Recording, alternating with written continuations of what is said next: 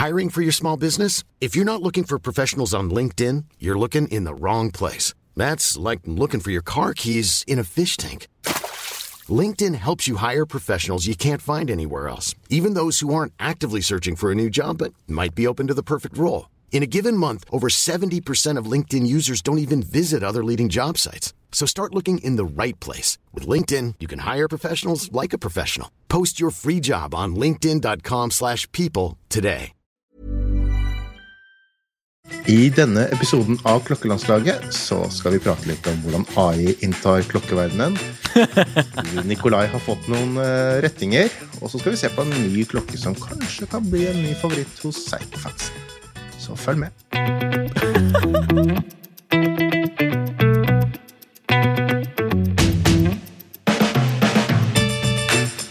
Skal vi, vi kan godt ta den på de bare uten at jeg ler. Eller var det naturlig Nei, jeg synes det var morsomt, ja. Ok. ja, for vi skal jo faktisk snakke om at eh, AI, eller KI, som vi kaller det på norsk fagspråk Du vet jo, Jeg skal faktisk på kurs om AI. Eh, ikke ennå, så jeg har ikke vært på det ennå. Men uansett. Det inntar klokkeverden. Kunstig intelligens. Um, for um, jeg fikk en pressemelding. Uh, sjeldent. Og vi må jo passe på at vi sier KI, fordi at ehm, Ja, men det kommer vi tilbake til senere, så spar, det sparer vi. Eh, og denne nye KI-greia som skal ta over eh, klokkeanalyse, watchcharts, eh, Bloomberg Subdial Index, men mer rettet mot auksjon, auksjon da, ikke sånne person-til-person-auksjoner, men auksjonshus til person. Det er Everywatch, som skal da være et nytt analyseverktøy for auksjonspriser. Og det lanseres i Dubai, eller etter at du har hørt på dette, da, men for oss, vi snakker om dette før embargoen er over, eh, 20. november. Det er jo litt sånn rart å ha dette på embargo, da, men endog. Mm. Fikk du den eh, pressemeldingen da, Jon Henrik? Nei, det har jeg faktisk ikke fått. Ah, Så du kjenner tydeligvis noen ikke jeg eh, kjenner.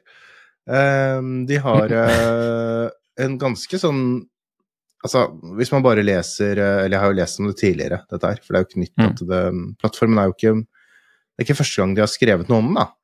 Ehm, så virker det sånn typisk sånn bullshit-opplegg at noen prøver å tjene noe penger på at nå er det, å, nå er det så kult med AI, og så videre, og så videre.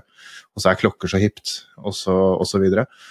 Men mm -hmm. uh, hvis man ser på de som backer dette her, og de de har fått med på laget, så er det egentlig en ganske sånn uh, Blant mange av de initiativene vi har sett på å gjøre um, en eller annen tjeneste, en eller annen service på eller rundt klokkemarkedet, så virker jo dette her ganske mm, seriøst. Og det ser kanskje du i den pressemeldingen, men jeg, jeg vet jo blant annet eh, tidligere CEO for uh, Piaget er, sitter vel i styret.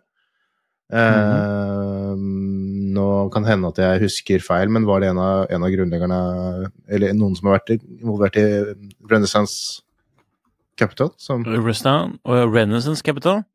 Ja, vi kan se. Altså, det, den går ikke inn på hvem som eier uh, i pressemeldingen, men uh, nei, ok. Jo da, det var created by Nacra Capital. Ok.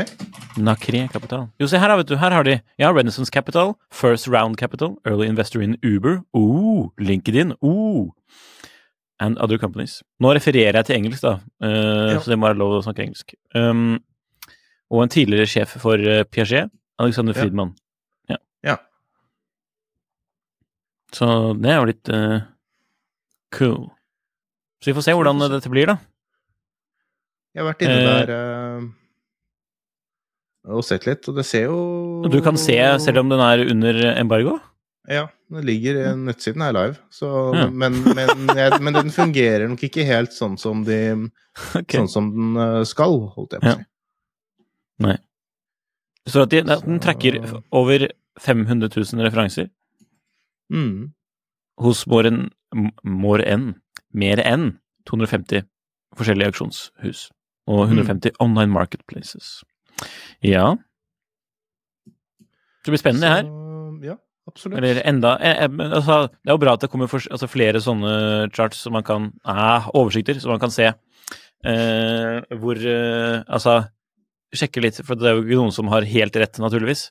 Så det er bedre å ha flere å, å sjekke Mm. med. Så kanskje noen blir bedre på noe, og andre blir bedre på annet. Ja. Ja. Nei, jeg får bare følge med. Og Ja. håpe at det blir noe seriøst og noe pålitelig, og noe vi kan eh, følge med på. Mm. Det mm, var det mm, Nå er det jo litt sånn sikkert Dette er sikkert delt nå i mange sosiale medier og sånn allerede, men det var vel en sak nå i dag eller ganske nylig nå hvor, hvor, det var Bloomberg som skrev at eh, prisen hadde sunket noe veldig fra fra Two year low. Ja, ikke sant? Mm. Så Men vi har pratet Det var ikke sånn, det var ikke sånn veldig dramatisk, da. Men Nei. Det var bare, litt, bare at det hadde gått litt mer ned. Ja. Altså laveste på to år. Men det var jo fordi det var en sånn megatopp april 2022. Mm.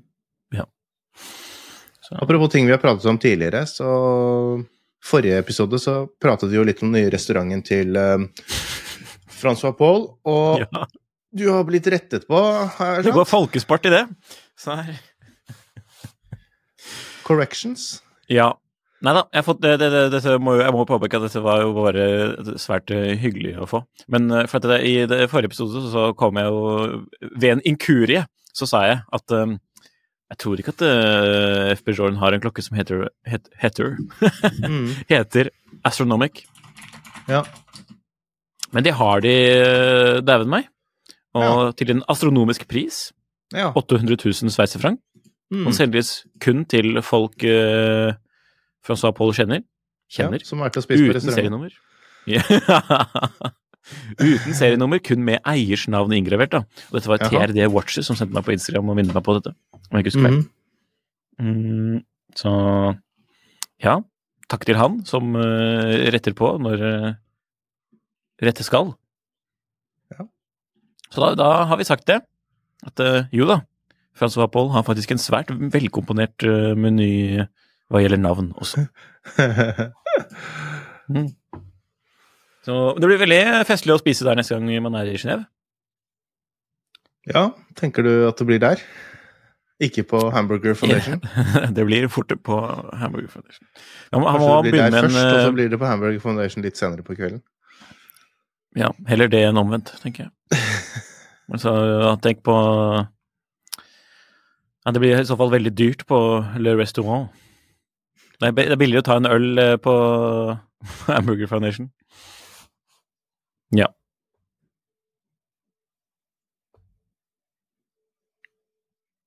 Men nå var du stille, Jon Henrik. Ja, jeg bare tenkte litt på denne restauranten, jeg. Men eh, det Vi får gå videre, vel. Ok. Eh, vi har jo eh, sett en nyhet eh, som har kommet nå, som jeg eh, har skrevet om allerede på tidssonen. Som jeg syns er litt uh, interessant, og det er denne nye eh, Psycho Prospects. Nå skal jeg lese hele navnet her. Det er selvfølgelig da en Psycho Prospects eh, 1965 Divers Modern Reinterpretation Uh. med referansenummeret SJE 097, SJE 099 og SJE 101.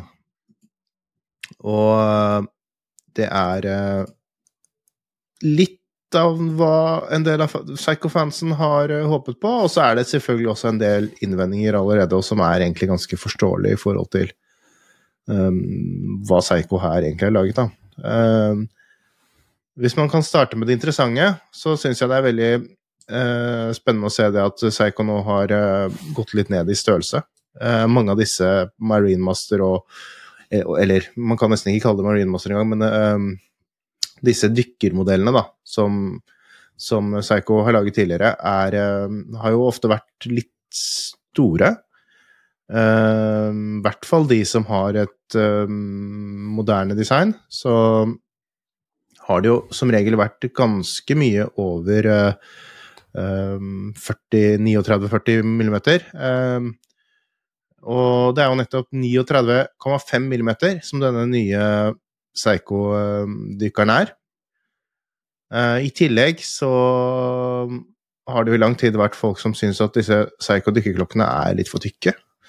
Um, det har jo både med kasse, men også med urverk å gjøre. Um, denne nye dykkerklokken er 12,3 millimeter, og er dermed den slankeste dykkerklokken som Seigo faktisk har, eller mekaniske dykkerklokken da, som Seigo faktisk har i kolleksjonen.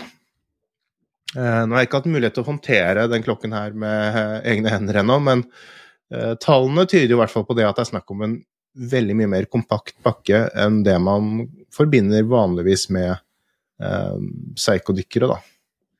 Eh, og det er jo noe som mange har etterlyst, at man både altså de som kjøper psykoklokker, men de som kanskje også har eh, avstått fra det mye av den eh, størrelsen.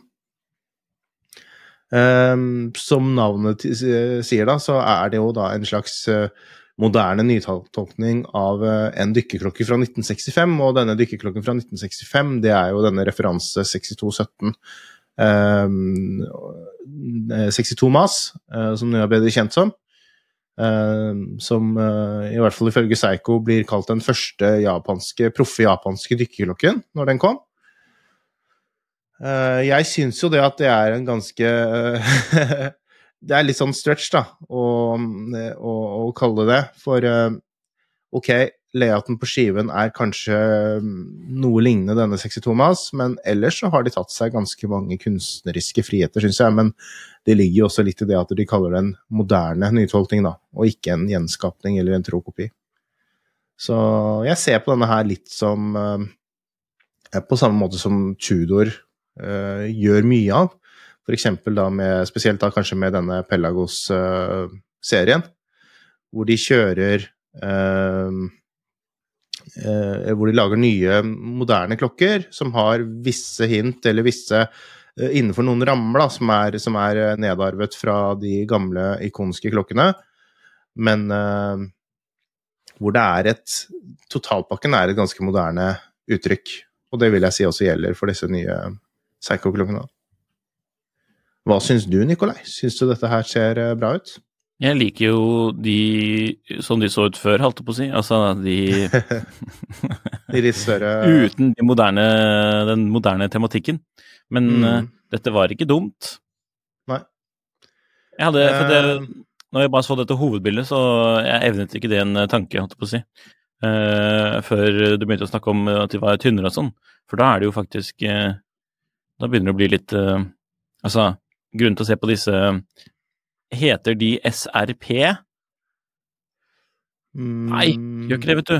For at, uh, når jeg ser de her, så tenker jeg jo på den oh, ja, den retro, med... Retro 62 jo, mas uh, nærmest, sant? Så den her blir liksom litt mer, moderne tolkning av det. Men det som er med Seigo, som kanskje du ikke vet, eller jeg vet ikke om du vet, men jeg vet at mange ikke vet, det er at uh, disse referansenumrene har veldig lite med hvordan klokkene ser ut. Aha. Det har veldig mye mer med hvilket urverk de bruker. Ja, for, det, ja. Eh, for på innsiden av disse her så sitter det jo et uh, Psycho kaller det et nytt urverk, et 6L37, men det tilhører jo da 6L-familien, som jo har vært med en del år. Uh, og det er jo da um, Slimline um, mm. urverkene For det er noe som heter 6R? Stemmer. Ja. Stemmer. Uh, så 6L er en, er en slankere variant. Um, jeg vet faktisk ikke hvor mye av liksom, arkitekturen som er delt med 6R-verkene, men uh, sånn prismessig og, og, og, det er posisjonert som et ja, tilhørende den, den klassen, da, som er jo litt sånn mellomklasse hos Psycho før man går over på den 8, 8L osv. Uh, i forhold til 6L35, som er brukt uh, så nylig som uh, Eller som, som, ble brukt nå i sommer, så, så tror jeg det at det er um, um, gjort visstnok noen endringer i forhold til De sier i hvert fall selv at de har gjort endringer i noe av konstruksjonen og materialbruk for å gjøre det, det mer robust og mer kompatibelt med det at det skal være en dykkerklokke eller verktøyklokke. Uh, nå er det litt synd at Seigo ikke går mer detaljert inn på det, men de har i hvert fall endret uh, kalibernavnet og fra uh, 35 til 37, og, og, sannsynligvis også gjort noen endringer, da. Uh, det som folk ofte har litt imot disse verkene i den seks-familien, er jo det at det er det er presisjonen. Gjennomsnittlig avvik på, dette her, på denne um, 6L37 er oppgitt å være minus 10 til pluss um, 15 sekunder per dag, som er et ganske godt stykke unna typisk sånn kosk KOSK-sertifisert kronometer standard. Uh, Men jeg tror jo egentlig det største problemet for mange er eh, på disse nye modellene vil være skivene. De har en sånn stripete Noen kalte det for, eh, for båtdekk, liksom dekkaktig inspirert eh, tekstur. Eh, I tillegg til at man har et datovindu, et lite rundt datovindu, plassert uh, mellom klokken fire og klokken fem. Som jo også er litt, kanskje litt uvanlig, da. Uh, det har vel noe med det at de vil opp, prøve å opprettholde denne 62 Mas-estetikken, men eh, ja.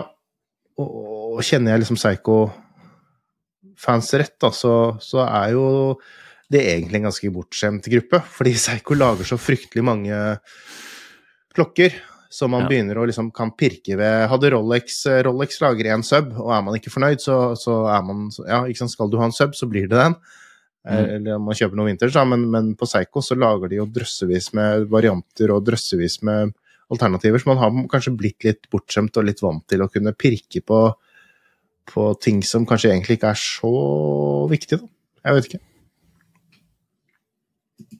Jeg syns ikke det var så dumt. Altså, jeg liker faktisk en runde Mm. halv fem. Ja, jeg, jeg, jeg, jeg men, blir eh, ikke noe spesielt plaget av det. Jeg, jeg syns skiven Jeg skulle ønske de heller lagde en sånn uh, det, er, det er fint å gjøre mange limited-modeller, og en av disse her er jo også limited. Uh, men det, jeg syns det er fint det også å ha én veldig sånn basic eh, Nesten litt kjedelig klokke, da, en litt mer konvensjonell tallskive, og som kunne vært en, et sånt strap-monster hvor man bare bruker masse remmer og kan ha som en beater, og en sånn en sånn referan et referansepunkt da, i kolleksjonen kunne vært bra. Så får vi se hvordan det blir mottatt. Det, den kommer visst ikke før uh, i januar i, hos forhandlere, i hvert fall ifølge pressemeldingen. Uh, men i Psycho sine egne butikker Nå kan det jo hende kanskje noen i Norge klarer å lure eh, seg til noen eksemplarer, men det vet jeg ikke ennå.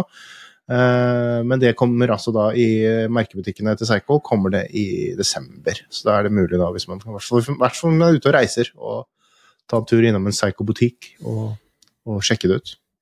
Den er liksom litt makaber, den, eh, den ytre delen på den vridbare besel. Altså den beselringen. Ja, den også er litt spesiell. Ja, Så litt makaber. Og urskiven ser ut som sånn der eh, terrassebord. Uh, Coop Bygg. Men eh, sånn apropos makabre ting, så har jo også IWC eh. Hvor det kanskje er litt mer unison enighet om hva man syns. Mm -hmm. uh, IWC har jo lansert en ny eh, pilot Uh, Ja, er det en pilotkronograf? Who knows? Kan du si hele navnet? Ja, den heter, det er to. Den ene heter uh, IWC Pilot Watch Performance Chronograph 41 AMG og Pilot Watch Performance Chronograph 41 Mercedes AMG Petronas Formula 1 Team. Oh. Så det er eh, Ja, det er flere fellestrekk her med Seigo, at de har lange mm, klønete navn. Eh, men det jo litt, fremkommer jo litt hva dette her er, da. Det er jo da en pilotkronograf i performance-utgave, og det er det Oi. IWC kaller det for, da. Performance-utgaver. Eh, det betyr egentlig eh, Hei, vi ser at Zenit og Rolex og mange har eh, kronografer med takimeterskala, som selger veldig bra fordi folk digger den estetikken. Kan ikke vi lage noe sånt? Jo, men vi har jo ikke noe racing-tema-kronografer lenger.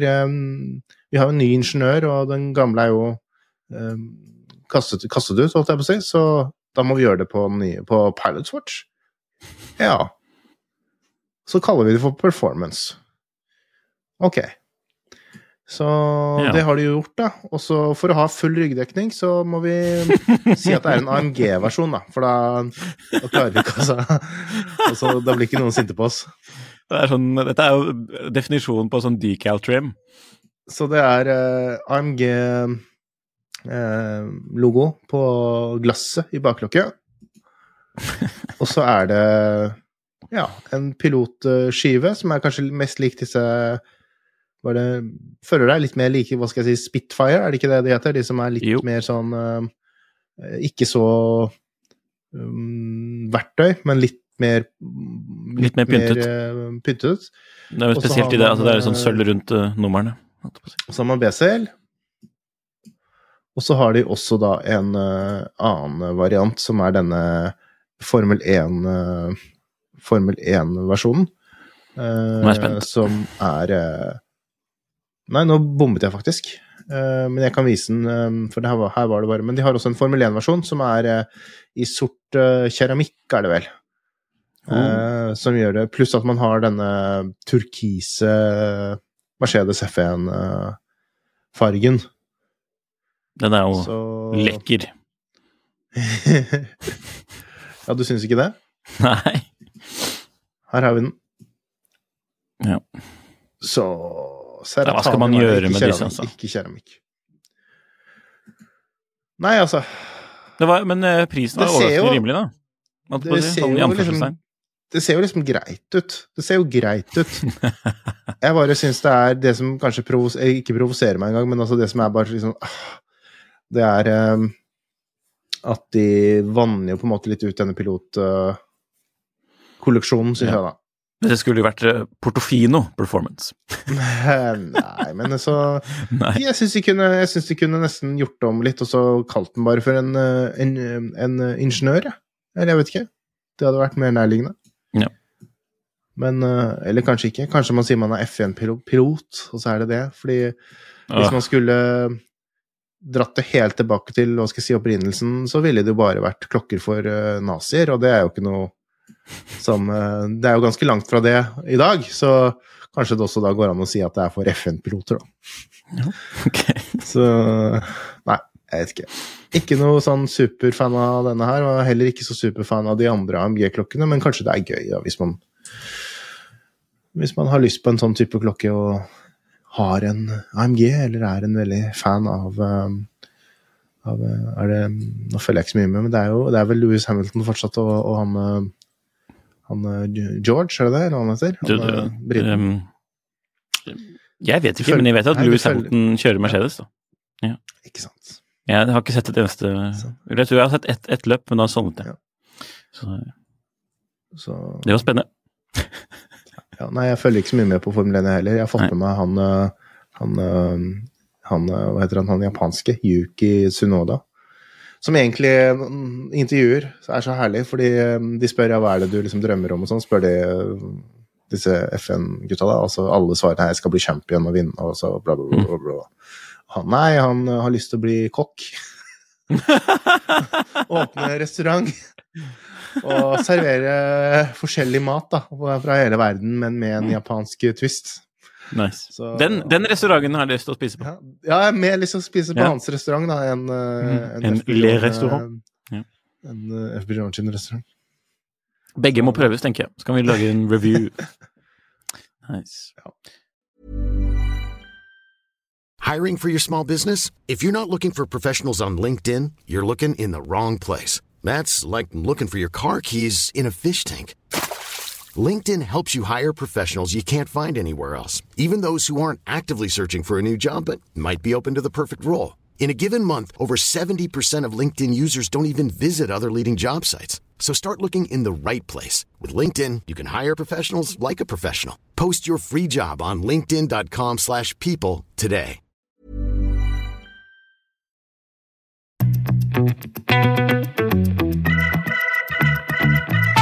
Det er jo Dubai Watch Week. Det er det. Uh, har du fått med deg noe særlig av nyhetene? Det Én, men jeg vet ikke om den er i relevans til uh, DVV, holdt jeg på å si, eller hva man skal kalle det. Jo, den er jo det, da. Ja. Eh, Ok. det Og så har jeg fått med litt humor. Ja, det er nesten morsommere. Ja, vi tar det først. Det er gøy. Skal vi se på det for de som følger med, eller? Ja, vi må se på det. For det var eh, Det er denne kontoen, meme-kontoen, eller hva man kaller det. Sånn eh, Watch eh, Med med. Watch Watch, no, watch You More er det faktisk. Jeg trodde faktisk Ok. Som har laget, da For de som lytter, så skriver han uh, Han har laget en sånn uh, galleri, da. Det er Og da trodde jeg faktisk du skulle vise den andre, den som er i venstre nede i hjørnet der. For eksempel. Oh, ja, nei, nei, nei. Nei, okay. Det er uh, vår favorittid i, i året. og det er liksom bare For det er Dubai Watch Week, og så er det Nei, vi gidder ikke å lese alt, men altså, det er bare at de poster da masse travel updates. Den er litt fin, da. Fotoer som gjør at man tror man er bestevenn med Max Buser. Og videos of mind-numbing panels. Sånn, ja. Bilder av Weico, som vi snakket om tidligere, sitt hotellrom, så folk tror det er der du eh, bodde. Og ja, den er fin, den også. Bilder med obskure watch industry alltimers som ingen noen har, egentlig har hørt om. Det er når vi tar bilder med Kurt Klaus. Poster klokker som ingen egentlig er interessert i i det hele tatt. Turistposter med, som de har fått sponset av et eller annet merke, med noen kameler og greier.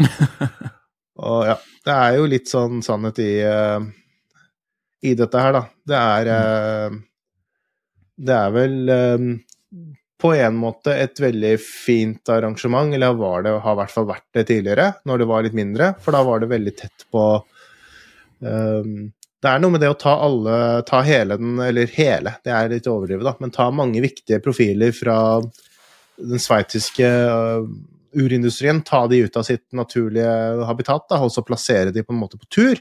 Og det, da blir det kanskje litt den uh, den stemningen. At man er et annet sted, og, og, alle er på en måte Man er litt i samme båt, da. Alle er på en måte litt turister på et ukjent sted. Og så blir det litt veldig kort vei til å spise frokost med Kurt Klaus, som jeg gjorde, eller Eller Ja. Og, og, det er jo klart noe spennende med det. Etter det jeg har hørt, så har det arrangementet vokst en del de siste årene, da, så det er kanskje ikke helt den intime følelsen ennå. Så, men så er det jo samtidig også noe sannhet i det at det er veldig mye Det er veldig lite relevante lanseringer der i forhold til i hvert fall det norske markedet. Ja. Uh, og det har vel litt, litt, sammenheng med hva skal jeg si, den, uh, de preferansene og den kulturen og det som er i, i det området hvor, hvor denne messen, eller messen eller arrangementet, eller hva jeg skal kalle det, for det er jo ikke en messe sånn sett, men dette klokkearrangementet da, blir, eh, blir avholdt. Uh, og det er jo en Det er jo ikke hvert år, det er vel hvert annen, andre år. Så har det vel vært noen pauser og så videre under covid, men uh, ja. Nei, men det blir spennende å se. Vi, I forhold til hvordan vi tar opp denne podkasten, så har jo ikke alle nyhetene kanskje kommet ennå, så vi får nesten se i neste gang om det har kommet noe mer, noe mer spennende. Men jeg tipper det blir mye spesial, spesialmodeller, limited type i litt um, farger og med litt uh, dekorasjoner og, og, Det er liksom uh, Merker som Bouvet gjør nok veldig eh, er nok veldig sånn happy med en sånn med, sånn, med sånt arrangement, da, i forhold til den stilen og sånt som er det. Men uh, denne Ming Sand, er den ja. i er de, Stiller de på messen? Ming selger på messen. Uh, så da kommer også... denne, denne, nyheten i relasjon til det. For Jeg har yes. bare notert meg nyheten, ikke hvordan den ble lansert. Hatt, ja, for den er faktisk lansert, dritkul.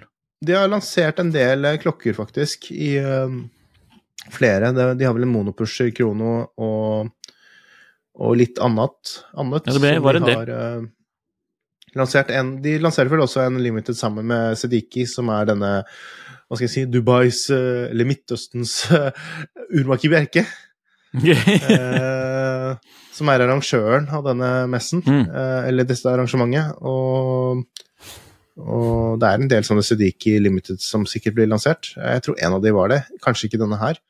Nei, denne var ikke i relasjon til det, slik jeg forstår det. Men de, de, ja, de har lansert mye. Jeg ble nesten litt overrasket over hvor mye, mange ja. forskjellige klokker de for, hadde. Men, uh, dette er jo egentlig et tema for seg selv, da, men uh, å følge liksom, markedet for uh, Mings klokker, mm. sånn på bruktmarkedet, mm. det er jo interessant. fordi vanligvis så blir det jo utsolgt meget kjapt. Og det har jo ført ja. til at disse klokkene går jo for mer på brukten ofte enn de koster nye. I hvert fall hvis det er noen sånne litt obskure. I hvert fall gjort det tidligere. Og før var det jo ganske Det var en periode liksom under den verste, eller ikke verste, altså, men den største hypen på generelt klokker, hvor disse mm. også var meget, meget uh, populære. Og så har, det jo blitt, jo så, så det jo kommet såpass mange klokker at uh, nå er det normalisert. Ja. Nå tenker jeg at vi er der at uh, i hvert fall ikke jeg Jeg klarer i hvert fall ikke selv å holde styr på hvilke um, klokker de har uh, lansert. Og da tenker jeg det er nesten er litt et tegn på at, det, at det, den er ikke sånn veldig bærekraftig, den modellen. At man kan kjøpe en sånn og så selge det for uh, Nei, det, er Mer kro er kronasjer. Her er jo en sånn uh, Dubai uh, men gikk du forbi den kule uh, Sand-klokka, da, som uh, Eller Sand-klokken, for de som ikke uh, okay. ser på oss. For det der er jo, vi må jo poengtere at urskiven ser er? ut som sanddyner. Ja. Med liksom ordentlig 3D-effekt. Det er Ja. fiffig. Ja. Det var bare det jeg ville poengtere. Ellers så er det 500 eksemplarer, så ja.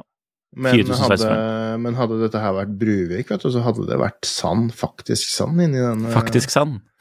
er det ikke det her, da? Jo, han dyttet jo Altså, fjordvann inn i sin, eh, Ja, Fjordvann, ja. inn i sin eh, fjordklokke. Inspired Så, by nei, several things. Jeg tror vel ikke det er det ekte sand. Tror du det er det? Nei, det, det, det, er ikke, det er for finkornet. Men det ser veldig sånn ut. Det skal det skal det ha. Ja.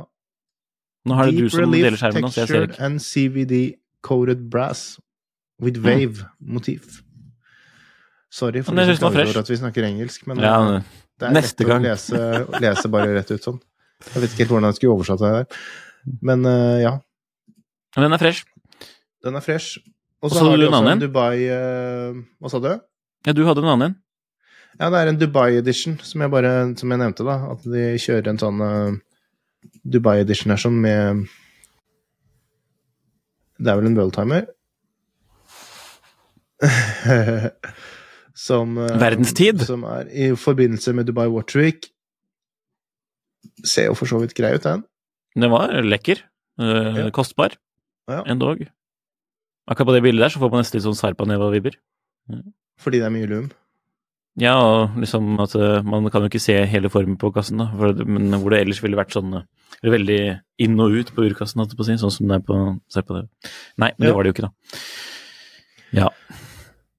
Et annet innspill vi har fått Vi har jo fått mye innspill, og jeg føler det var mye innspill jeg, i forhold til den siste episoden vi hadde. At det var mange som Ja. eh, hadde noe, mente noe om et eller annet, eller sp ville spørre om noe.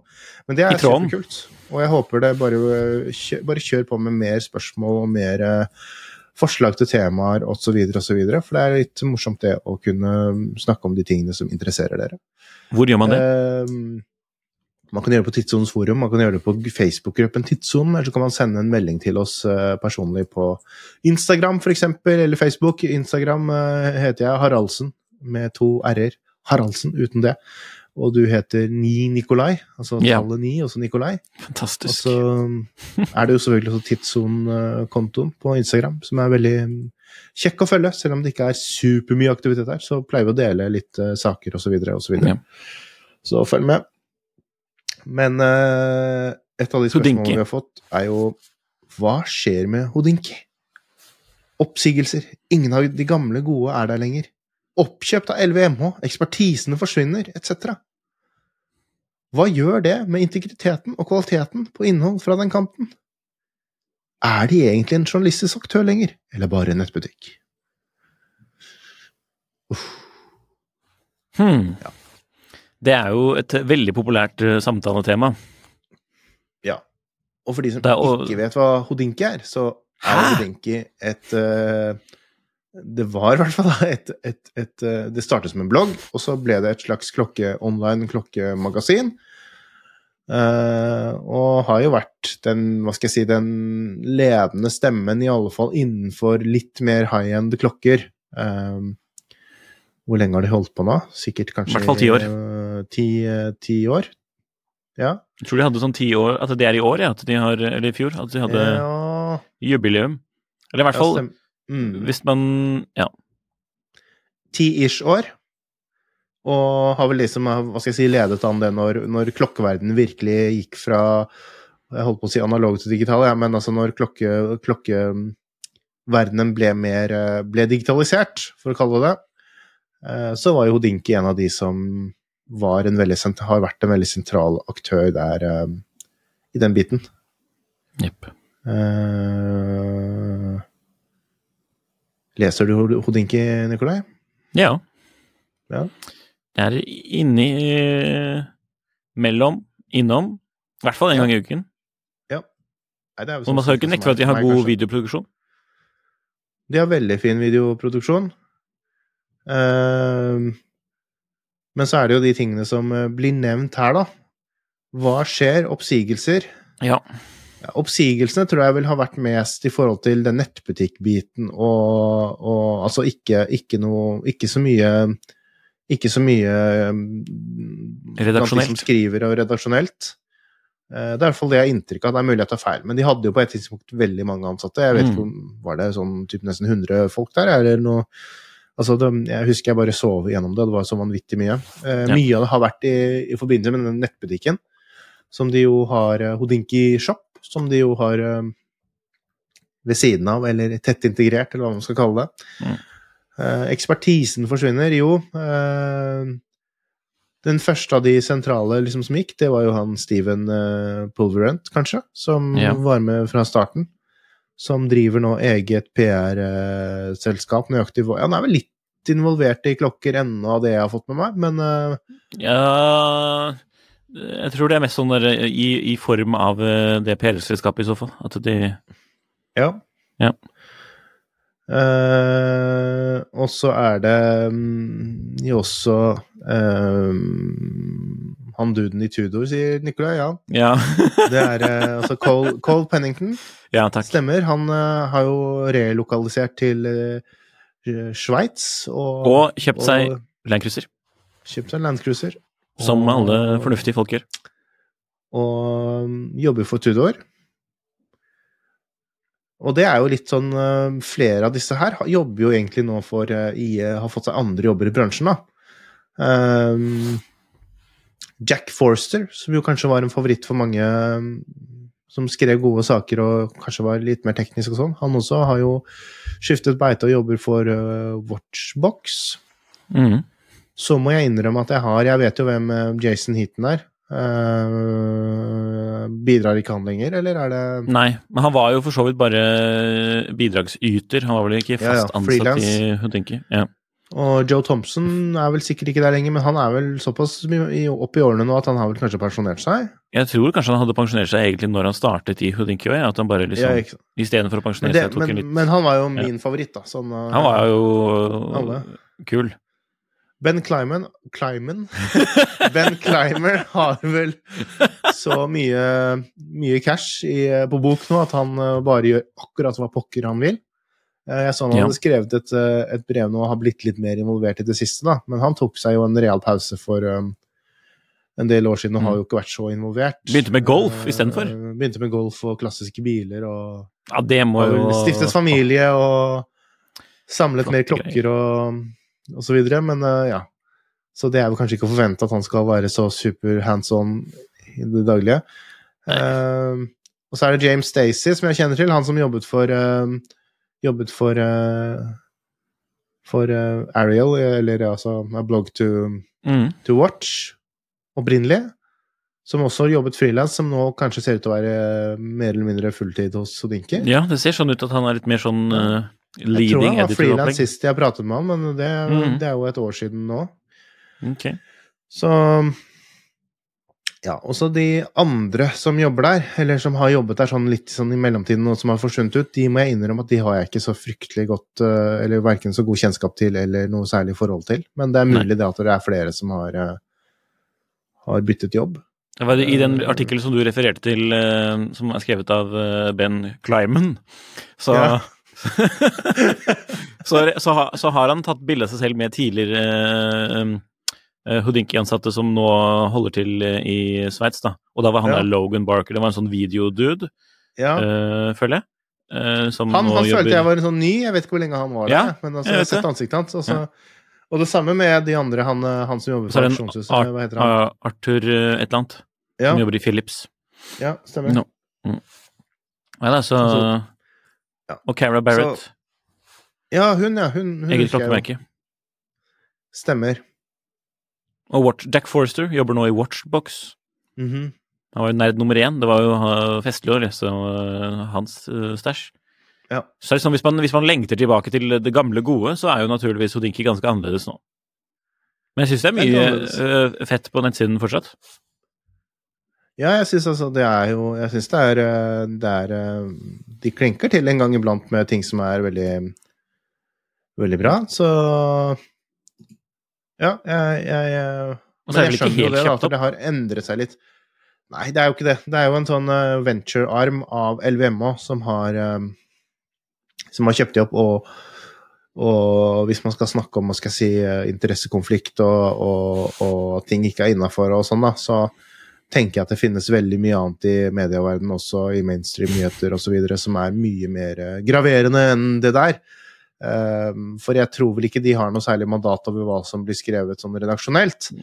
Uh, det som, men det som jeg kan være enig i, og det som man ser, ser, litt, da, det er jo kanskje det at dette skillet mellom kommersielt og, og, og redaksjonelt uh, Og det er ikke bare det er, det er, noe som er Min erfaring er i hvert fall det at i, i, um, i Norge, og kanskje i Tyskland, så har jeg inntrykk av at veldig at vi er veldig strenge, eller veldig bevisste og veldig strenge på den biten der, og, veldig, og for så vidt også veldig flinke til å følge opp det der og prøve å løse det på en, en veldig transparent og ryddig måte, mens uh, beveger man seg til andre steder i Europa og kanskje ikke lenger enn til over grensen til, uh, til Sverige og Danmark osv., um, og, og ikke minst i USA, så har man nok ikke det samme forholdet til det, til det å skille merke ting og ikke la ting påvirke.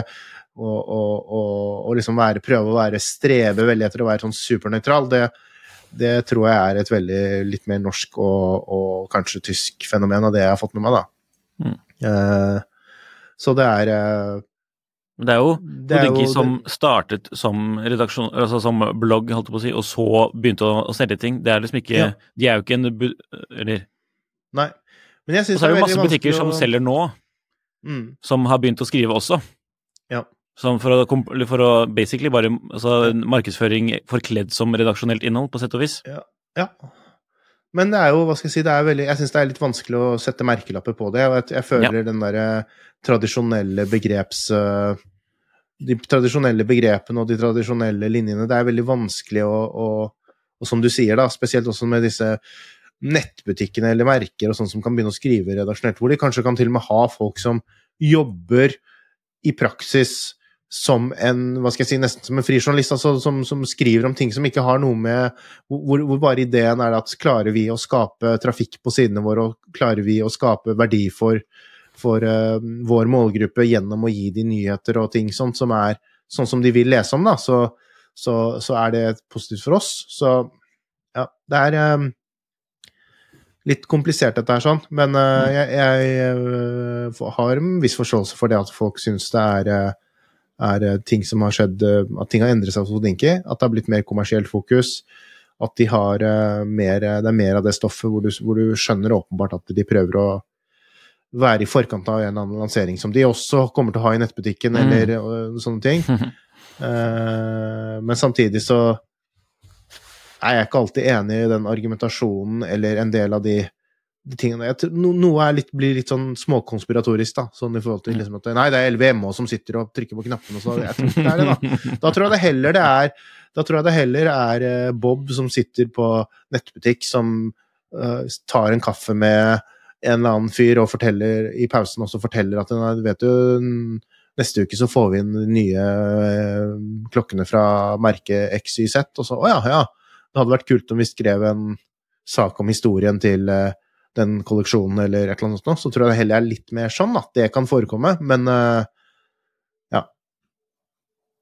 Det er uh, det er fortsatt et nettsted som, som, er verdt å følge, og spesielt den siste rapporten fra Genéve hvor Ben Clymer var jurymedlem i GPHG, syns jeg er verdt å få med seg og lese. Så den kan vi prøve den var veldig bra. I, i, fotnotene. Det var liksom litt mer sånn reisebrev og veldig, veldig, lang også. Veldig lang, og mye bilder og veldig personlig tone. Og ja, kult. Veldig kult. Ja, hvis noen andre samler, samler faktisk, savner gamle Houdinki, så syns jeg man skal gå inn på YouTube, og så søker man opp eh, Houdinki Friday Live. For det var en sånn god stemning-greie. De hadde en periode hvor de sendte livesending hver fredag, åpenbart. Ja. Um, uh, så med, med, Jack Forster og Cara Barrett og Stephen J. Polriant osv. Ja. Så, og Ben Clymer, Norges Ben Clymer, Jon Henrik tipser om det også. Clymen. Mm, Clymen. Det blir sånn derre ja, ja. Sånn Men i den artikkelen til uh, Ben Climber, da, der nevner han jo Mhm. hvorfor uh, Jedvet sin klokke ikke vant sin kategori, eller uh, ikke fikk bli med vi... Uh, altså, den kunne ikke vinne fordi den ikke funket helt som den skulle ennå. Mm. Altså denne minutt inert. Ja. Så Men jeg har fortsatt ikke fått helt svar på hvorfor eh, de eh, droppet Telemens-kategorien, og også Åh eh, Det var en til, nå har jeg glemt hvilken det var. Men det var to, to det det kategorier som de faktisk droppet. Ja. Men var det ikke det fordi to sterkeste i den kategorien vant andre greier? Jo, men det syns jeg er en veldig merkelig Skal det ikke være mulig å vinne Ja. to priser, liksom, da? Med, ut fra ulike kriterier. Så nei, hvem vet? Det er um, litt spesielt, denne GPHG-greiene. Og hvis du ikke vet hva vi prater om, så hør på forrige episode. Mm. Så Enkelt og greit. gjennom Grand, Grand Prix. Mm. Gullkorn på Finn. Ja. Denne gangen eh? Er det ikke på Finn, da, men på Blomkvist? For det, det er faktisk gullkorn, eller et korn med gull, eller altså flere korn med gull, Ja, holdt jeg på å si, fordi det er såpass eh, mange gram. ja. Dette er jo da en uh, klokke som uh, heter Omega Constellation. Og så er det jo fra 70-tallet, så Med denne urskiven så heter den Stardust, tror jeg i hvert fall kallenavnet. For den har jo sånn average, av, aventur... Åh, hvordan uttaler man det? Aventurine. Aventurin? Ja, vi må si det på norsk, vet du, for å få et Ja, er oppfølging det ikke. Aventurin, da? ja, jeg håper det. Blå med liksom små hvite prikker-aktig. Det er vel um, en um, slags uh, sten. Mhm.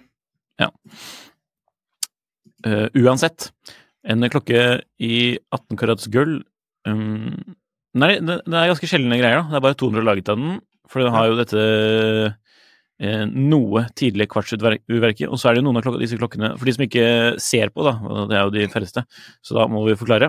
Det ser jo ut som en gammeldags TV, bare avlang, på en måte, oppover i portrettmodus. Mm. uh, og hvis man kjenner til disse uh, Omega uh, marinkronometerklokkene, så ligner den litt på det, bare uten det urverket. Det er et uh, annet eh, kvartsurverk. Mm.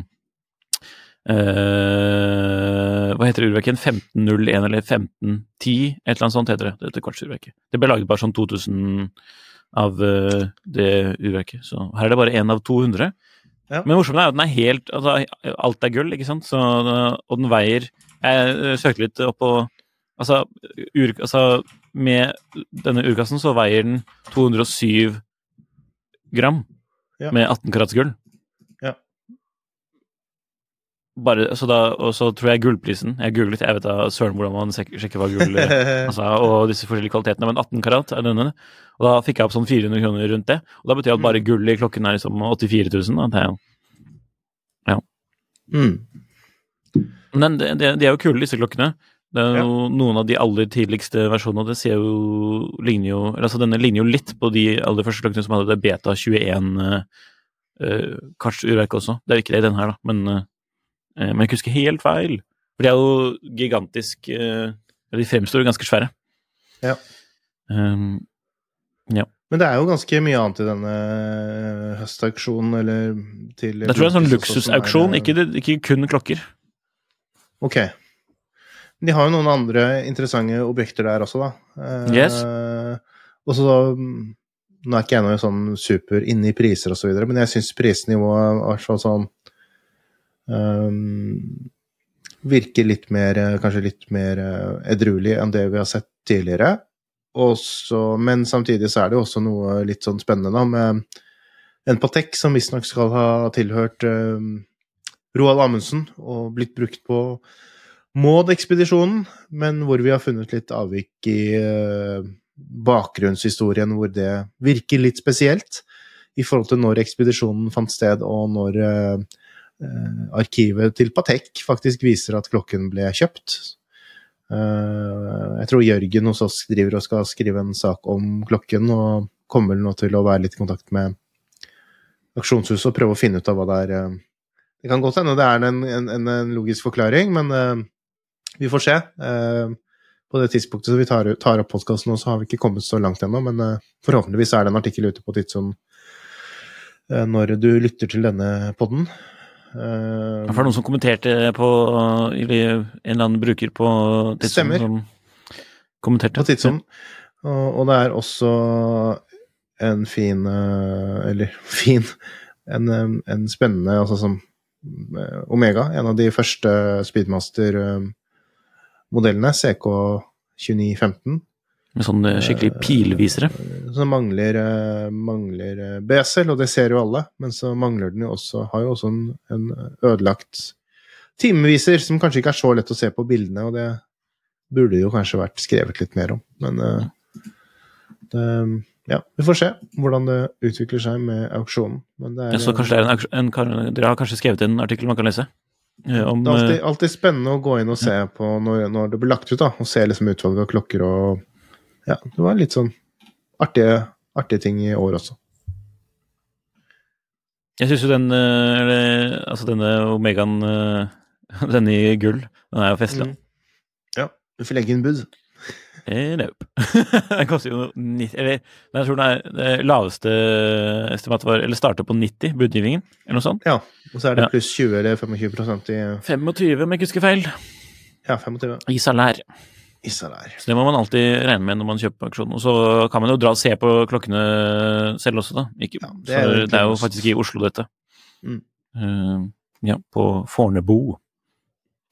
Yes. All right. Jon Henriks hjørne, eller? Vi har fått spørsmål. Pavel spør Kan dere anbefale meg noen spennende klokker, dressvarianter, som skiller seg litt ut? Gjerne 50-100 K. Jeg har allerede en Datejust. Gjerne flere varianter. Og så kommer han med noen eksempler som han har hentet fra en artikkel på Fratello Watches, hvor det var Breguet Classic, eh, Reverso Duoface i gull Mm. og Blampin Villeray. Og han sier eh, mer enn gjerne fra bruktmarked second hand, og ønsker litt inspirasjon. Kult. Skal kanskje være litt slem, men jeg er litt uenig i den der Date Datejust. Er det en, er det en dressklokke? ja, det er, det, den er Altså, jeg hadde ikke hatt noe problem med å bruke den til, eh, til dress personlig, men sånn hvis man bare skal liksom være veldig sånn streng og dressklokke de, um, dressklokke um, kategorien, så heller jeg nok litt imot det at jeg tenker at Date Datejust ikke er en dressklokke. Hva syns du? På en skinnrem, så.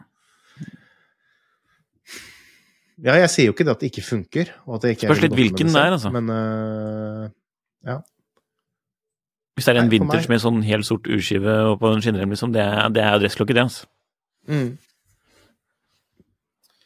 Nei, jeg tenker jo litt det at uh, Hvis du skal se på litt mer typiske dressklokker, da Nå kan det kanskje, det er morsomt at jeg valgte denne her, da, for den kan jo hende at folk er litt uenig i hvis man at Nei, den er jo til en sportsklokke. I min ungdom så var det en sportsklokke. Eh, Reverso Grand Thai. I min ungdom som Ja, var på altså, 19, på eh, privatskole i Sveits, der vi spilte polo på aftenen. Ja. På 30-tallet, eller? Nei da. Ehm, før krigen så var det en uh, sportslukke. Hvilken krig? Rever Ja. Reverso Grand Thai. Uh, ganske liten, uh, elegant, eh, småsekunder. Typisk klassisk reverso, men til en ok pris. Uh, ja. Det Jeg er ikke så mye å si om det. Det er liksom en, en enkel reverso. Eh, jeg er veldig med på den Breguet Classic, for der er det mm, Der får man litt av det Man får vel ikke noe AP eller uh, Vacheron eller Patek i den eh, i, hvert fall ikke, I hvert fall ikke en, en, en, en størrelse da, som jeg syns at det bør være Mm. litt, litt størrelse, liksom ikke under 36. Eh, selv om noen sikkert Nå, nå, nå vil kanskje noen ta meg på det, da, at jeg liksom utgir meg for å være så veldig ha så sterke meninger om dressklokker, og samtidig så vil jeg ikke ha dressklokker som er under 36, men eh, jeg vil i hvert fall ikke personlig det, eh, og jeg tror ikke så mange Det er vel litt mer for spesielt interesserte, vil jeg hevde. Eh, liksom komme en 33 mm eller 34 mm klokke sånn. Eh, ja, det funker det, men for litt mer spesielt interesserte. Mm. Eh, men Breguet Klassikk, der får man kanskje rundt en 38, 37-38 Ja, også rundt 40 kan man vel også få. Sånn eh, eh, veldig klassisk, veldig mm, distinkt brygge til en ok pris. Eh, og få litt av den eh, Jeg ser det er så veldig, veldig, veldig trendy sosiale medier blant kids i dag. Sånn old money er det hashtag, og det er jo litt sånn eh, old money, da. Brygge Classic, føler jeg. Gamle penger, mener du? gå Hæ? Å ja, vi skulle ikke si Ja, men, det, men, på, men, på, men på TikTok så heter det old money, da. Ja, det er faktisk helt korrekt. Det helt korrekt. Så det var det jeg refererte nå, med hashtag foran, til og med. Mhm. Men eh, vil man gå litt i en motsatt retning og heller ha noe som er litt mer modernt, så er, modernt, så, så er det Glasshytte original senator panoramadate. Da får man en veldig basic eh, dressy klokke, ehm, samtidig som det er litt krydder i og med at man har dette doble panoramadatumvinduet til uh, Glasshytte, som er en av deres signaturer. Eh, 40 mm eh, auto, automatikk. Eh, ja, jeg syns det er en spennende valg. Eh, I tillegg, hvis man er over på denne hashtag old money-stilen igjen, da, så er det jo Gi- Girard Perregaux har eh, mye eh, Jeg vil ikke si altså underpriset, dere er kanskje overvurderer litt, eller overdriver litt, men eh, mye klokker for pengene da, i eh, denne vintage 1945 og vintage 1966-kolleksjonene deres. Den ene er jo litt eh, eh, er eh, firkantet, og den andre er eh, rund. Og så har de vel også en eh, kolleksjon som heter Richville Richeville, som er veldig Hvor det også har en litt sånn tønneformet fasong, hvor man også kan få mye klokker for pengene, da. For jeg tenker det at jeg, jeg, jeg er jo litt fan av det at dressklokke skal være litt litt uh, fancy. At man skal gjerne ha et fint navn på skivene, og det skal være en, en eh, Får man gull eller noe edelt metall, så er jo det Mm. kjempeflott, da. Um, og det er mulig å få til det under eh, 100 000, men eh, ja. Jeg syns det skal være litt sånn ekstra, da, når det skal være en Ekstra, ekstra. dressklokke. Eh, og de helt enkleste dressklokkene er kanskje litt, kan bli litt kjedelige, tenker jeg. Liksom en helt glatt skive og bare Så det er ikke lov med- eh, Det er ikke lov med Alange Saxonia? Saxonia. Jo, det er jo det, men uh, Ja, men, jeg, men, men, men, det er ikke noe hemmelig at jeg er ikke, jeg er ikke sånn superfan av Saxonia. Jeg syns, jeg syns den blir litt for enkel. Litt for enkelt. Urverk er flott, men, den, men skiven og, og sånn uttrykk Altså, den er ikke for meg, da. Superfin klokke, og for den rette personen, superkult, men ikke noe personlig favoritt, og ikke noe jeg vil. noe for, eh. Om du får, om du får den jo ikke under 100 000 uansett, da. Så, Nei, det er sant. Det var kanskje i gamle og, får, og får du det, så, så ja, da er det jo bare å gunne på. og selge den og kjøpe en eh, 19, eller to 1945 eh, Jeger har jo også noen fine slanke dressklokker, da. Mm. Eh, som er litt enkle, men kanskje Kanskje interessante fordi, nettopp fordi de er så slanke. At det blir litt spesielt ut fra det. Så ja. Sikt høyt på dressklokker. Kjøp noe neo, neo vintage, eller eh, også vintage, for den saks skyld. Mhm. Tenker jeg, da. Jeg, Ikke dårlig. Nei. Jon Henrik har talt. jeg har talt. Ja. Og med det så kan vi egentlig avslutte denne episoden. Um, I dag har vi faktisk uh, hostet den selv, så det var spennende. Uh, en utfordring. Ja. Så vi håper det kommer oss vel fram ja, Vi håper det kommer vel fram til deres ører, kjære lyttere. Så Ja. Utover det så vil vi bare takke for at du hører på Klokkelandslaget. Så er vi tilbake neste uke, vet du. Hei og hå.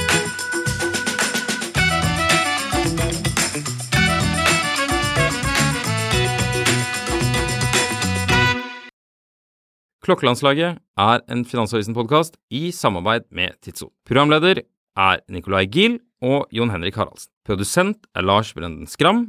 Podkast- og videoansvarlig er Marius Mørk Larsen. Og ansvarlig redaktør er Trygve Hegnar.